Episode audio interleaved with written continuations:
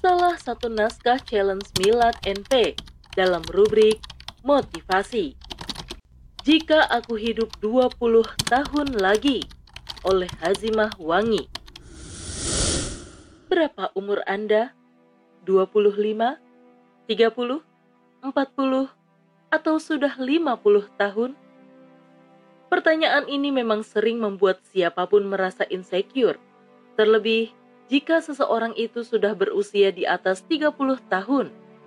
Apalagi yang menyentuh kepala empat, lebih berasa dalam ketidaknyamanannya.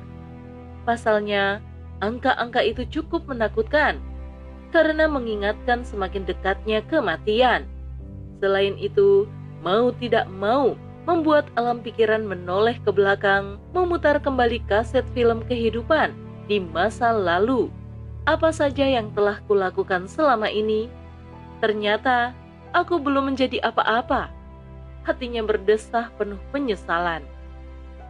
Sementara dilihatnya anak muda itu, yang masih berusia belasan tahun atau dua puluhan itu, sudah menjadi tokoh tunas ulama yang memukau hati ditolehkannya kepala ke kanan.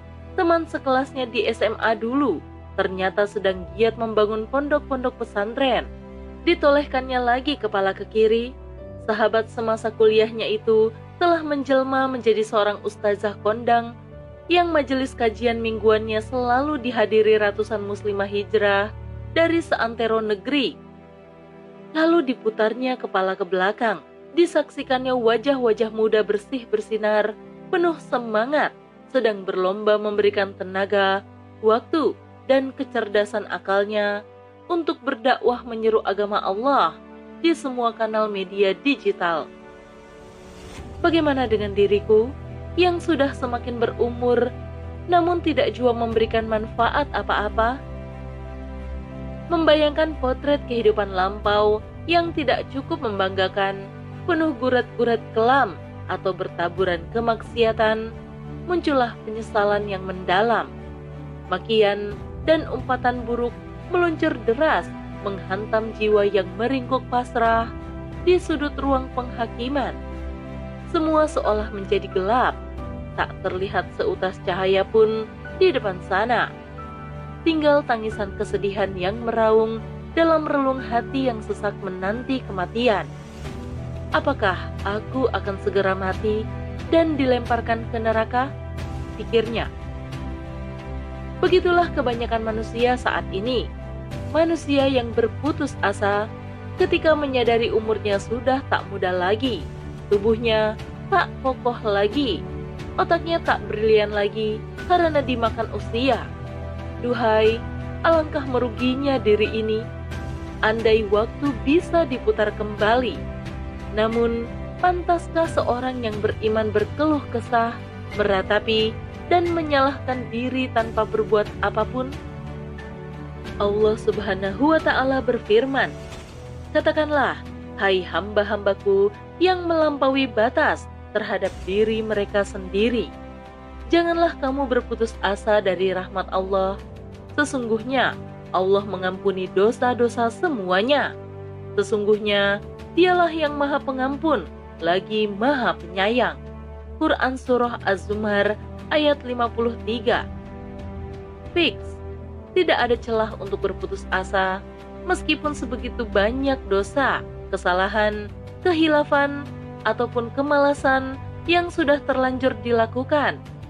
Justru Allah Subhanahu wa Ta'ala yang Maha Baik memanggil dengan lembut hamba-hambanya yang telah terperosok tersebut untuk kembali kepadanya karena dia akan mengampuni dosa-dosa semuanya. Masya Allah. Segera bangkitlah dari berdiam diri.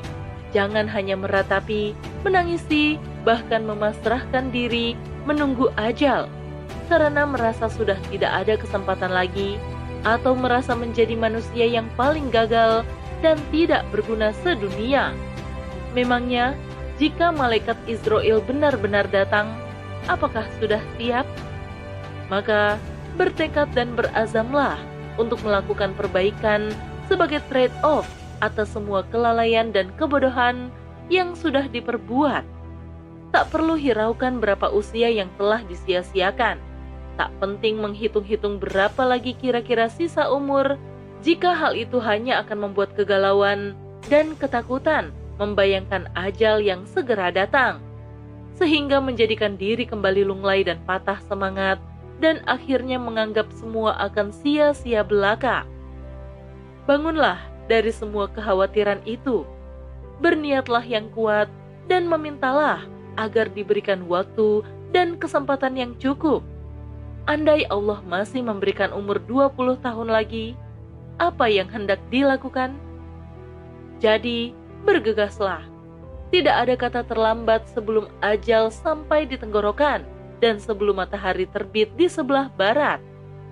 Rasulullah Shallallahu Alaihi Wasallam sendiri yang menyatakan bahwa Allah Subhanahu Wa Taala akan menerima tobat hamba-hambanya sebelum dua waktu itu datang. Sesungguhnya Allah Subhanahu wa taala menerima tobat seorang hamba selama ruh belum sampai ke tenggorokan. Hadis riwayat Tirmizi. Barang siapa bertobat sebelum matahari terbit dari barat, niscaya Allah menerima tobatnya. Hadis riwayat Muslim. Berapapun umur Anda saat ini, muda, tua, separuh baya, jelang kepala enam, atau bahkan kepala tujuh sekalipun, tetaplah optimis dan positive thinking kepada Allah Subhanahu wa Ta'ala. Allah berfirman, "Aku tergantung prasangka hambaku kepadaku, dan aku akan bersamanya ketika ia mengingatku." Mutafak alaih. Juga di hadis kutsi yang lain, Allah berfirman, Aku bergantung kepada prasangka hambaku kepadaku, apabila ia berprasangka baik kepadaku, maka kebaikan baginya dan apabila berprasangka buruk kepadaku, maka keburukan baginya. Hadis riwayat Ahmad dan Ibnu Hibban. Maka sekali lagi, jika Anda diberi tambahan waktu 20 tahun, apa yang akan Anda lakukan? Jika saat ini umur Anda 40 tahunan, amalan-amalan apa yang akan digencarkan agar sisa masa 20 tahun tersebut bisa memiliki kualitas terbaik seperti Rasulullah dan para sahabatnya. Rasulullah Shallallahu Alaihi Wasallam diangkat menjadi Rasul di usia 40 tahun. Lalu beliau menghabiskan 23 tahun berikutnya dengan amalan-amalan tertinggi, penuh pengorbanan, sehingga beliau menjadi manusia yang paling mulia di sisi Allah Subhanahu wa Ta'ala. Abu Bakar Ash-Shiddiq masuk Islam pada umur 37 tahun. Sekitar 26 tahun kehidupannya setelah itu, ia dedikasikan sebagai sahabat setia dan senantiasa menyertai perjuangan Rasulullah Shallallahu Alaihi Wasallam hingga akhir. Setelah Rasulullah Shallallahu Alaihi Wasallam wafat, beliau menjadi Khalifatul Rasul atau pengganti Rasul dalam memimpin umat Islam yang memerintah wilayah kekuasaan Islam selama lebih dari dua tahun. Begitu pula paman Rasulullah Shallallahu Alaihi Wasallam, Hamzah bin Abdul Muthalib yang masuk Islam pada usia 42 tahun. Sisa umurnya yang 15 tahun diisi dengan aktivitas jihad visabilillah hingga ia syahid di medan perang Uhud. Bahkan Rasulullah Shallallahu Alaihi Wasallam pun memberi gelar kepada beliau sebagai asyadullah atau singa Allah dan sayyidusi syuhada atau penghulu atau pemimpin para syuhada. Sahabat lain yang mendapat tambahan umur lebih pendek juga tak kalah mulia. Mus'ab bin Umair yang masuk Islam pada usia 24 tahun. Selama 11 tahun sebelum ia menjumpai syahid di perang Uhud, rela meninggalkan kehidupan konglomeratnya demi mengabdi kepada Allah Subhanahu wa taala dan Rasulnya. Ia merupakan seorang pemuda cerdas dan berintelektual. Tutur katanya sungguh apik dan mengagumkan. Pantas saja Rasulullah Shallallahu Alaihi Wasallam mengutus dan menjadikan beliau sebagai duta Islam pertama di kota Madinah atau Yasrib ketika itu. Melalui dakwahnya yang hanya selama satu tahun, mayoritas penduduk Madinah telah memeluk agama Islam yang selanjutnya memberikan kekuatan politik dan pertahanan kepada umat Islam. Tak ketinggalan seorang sahabat Nabi Shallallahu Alaihi Wasallam dari kalangan Ansor atau Madinah. Sa'ad bin Mu'az masuk Islam ketika usia 31 tahun melalui sahabat Mus'ab bin Umair. Ia merupakan pemimpin yang disegani dari kaumnya Bani Abdul Ashal. Melalui dirinya, semua kaumnya masuk Islam. Ia wafat pada usia 37 tahun di pangkuan Rasulullah Shallallahu Alaihi Wasallam sebagai syahid dari perang Hondak. Ruhnya pun disambut oleh ribuan malaikat dan getaran arsy Allah Ta'ala dikarenakan ketinggian derajatnya. Masya Allah, hanya dengan sisa umur enam tahun, beliau berhasil mencapai derajat terhormat di sisi yang maha agung. Then, what about us? Carilah peluang yang sama. Mulailah dengan melihat kapasitas diri yang sudah Allah berikan. Lakukanlah analisis SWOT, strength, weakness, opportunity, and threat. Niscaya akan dapat ditemukan permata yang mungkin selama ini terpendam di dalam diri. Jika Anda seorang ibu dengan banyak anak, jadikanlah 20 tahun ke depan sebagai kesempatan untuk merancang proyek-proyek besar demi mencetak generasi penakluk zaman yang robani. Lihatlah Sohabiah Al-Kansa yang sukses menjadikan keempat putranya syahid di medan jihad visabilillah.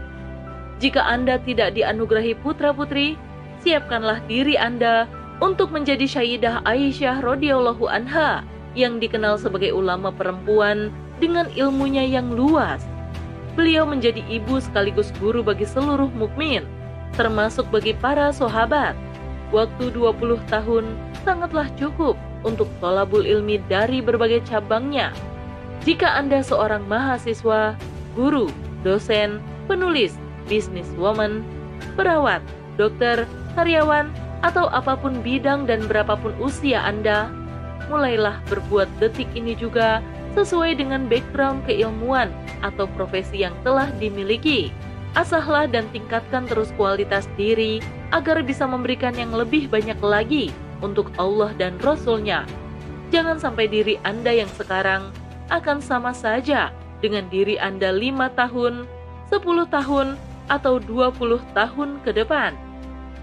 Semoga Anda, saya, dan kita semua sudah tahu jawaban atas pertanyaan, jika aku hidup 20 tahun lagi, apa yang akan ku perbuat? Wallahu a'lam bisawab. Wassalamualaikum warahmatullahi wabarakatuh.